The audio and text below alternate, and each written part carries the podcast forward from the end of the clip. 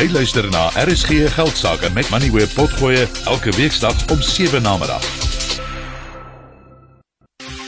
RSG Geldsaake met Money Web elke weeksaand tussen 6 en 7.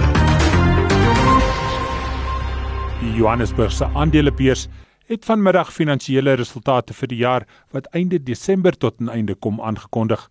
Dit is die maatskappy wat die aandelebeurs bestuur. Die beurs is een van die 20 grootstes in die wêreld en die grootste in Afrika. Dit voorsien al die afgelope 135 jaar 'n handelsplatform vir maatskappye. Bedryfsomset het met 5% tot 2,7 miljard rand gegroei. Wesensverdienste per aandeel styg met 4% na R9.18 per aandeel. Op die lyn is Dr Leila Fourie, die bestuurshoof van die JSE. Goeienaand Leila en welkom by die program. When we spoke in August during the half year results The drop in the number of companies listed on the JSE led the discussion. Are you seeing a turnaround? We are certainly seeing a very big increase in our market cap. Essentially, what drives trading is liquidity and the depth of market. So, our market cap has increased by 4%, and while the number of listings, there were fewer companies delistings, delisting than last time we saw you, there are a couple of companies that have come forward publicly with their plans to list. And of course, we are very much dependent on the macroeconomic environment. Policy certainty, economic certainty are important aspects in that regard. You were also focusing on different revenue streams at that stage. How are they doing? our different revenue streams are, are doing extremely well. In fact, that's a very important highlight of our results. Stabilization in terms of our quality of earnings through the cycle is evident. So our non trading lines are now up 13%, and they constitute 25% of our revenue our acquisition, which is Link Market Services, has a compound annual growth rate of 49% since we acquired it two and a half years ago. And our market data is also up double digit. These new and non trading lines fortify us through the cycle, and stabilization and quality of earning through the cycle is starting to become evident. We've also introduced a number of other products like private markets and actively managed certificates. And these are all starting to gain momentum, but still nascent and at the beginning of their journey. The information services also seem to be doing really well. Yes, indeed. Our information services is a big priority for the JSE. We've invested in cloud based data, which is not necessarily going to translate into revenue in the short term, but in a couple of years, once we've been able to transition all our markets and develop new products, we'll start to see that translating. We are also the beneficiary of the weak rand in our market data space.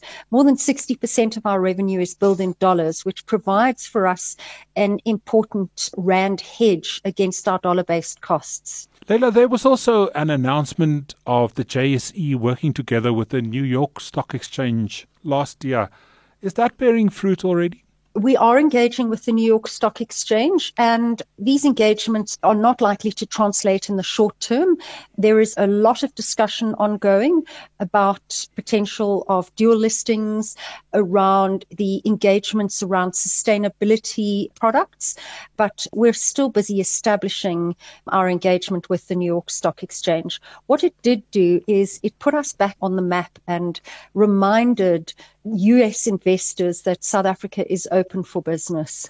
Are you worried about the future of our economy, though, under this load shedding? I see in an article today that people are saying the services industry, like yourself, is not really seeing the effects of load shedding immediately. Is that true, or are you suffering from that already? Tennis, I think every person on the ground is battling with the realities of load shedding, and corporates are, of course, increasing costs around diesel and effectively around keeping the lights on. It has a, a, negative impact on sentiment. However, there are a number of structural reforms that will take time to translate. Things like the recently announced tax rebate for renewable energy by corporates is likely to translate into a job creating capital investment, and particularly by those large companies like the mines who are energy intensive. We are encouraged by the focus on renewables. We're encouraged by the decoupling of the transmission unit, which is a powerful ideological shift. And we're also encouraged by the self generation cap that's been lifted. Of course, these things take time and we're not going to see a short term turnaround. So we should all brace ourselves. That said, energy security is not peculiar just to South Africa, it's a global problem. Europe are beset with this problem for other reasons and really struggling through their power headwinds. So, focusing on the negative aspect is probably not the right thing to do. It was good results from you. Are you predicting a good 2023 as well? We are very pleased with our results. They demonstrate strong, stable, and sustainable income with our NPAT being up 4%. It's difficult for us to predict where this is going. Macroeconomic factors such as the US and whether they have a soft landing or a hard landing, the opening up of China, and the geopolitical crisis, together with how government executes on the power crisis and state owned entity issues around, for example, trans Transnet are all critical factors that will shape international flows into the country. What we can say is the point at which we find ourselves in the cycle creates great opportunity for South Africa to start to execute on their growth plans and attract foreign flows. On a relative basis, we are seen as a genuine investment opportunity, especially when we're compared to countries like Turkey, Russia, and even China. And so as the risk appetite starts to open up for emerging markets, South Africans need to start turning around on infrastructure investment, SME investment, and resolving our power crisis in order to attract funds. Dankie Leila, dit was Dr. Leila Fourie, bestuurshoof van die JSE. Die raad het 'n dividend van R7.69 per aandeel daar verklaar. Jy het geluister na RSG Geldsaake met Money where potgoe elke weeksdag om 7 na middag. Vir meer Money where potgoe, besoek moneyweb.co.za of laai die toepassing af en volg Moneyweb News om dagliks op hoogte te bly.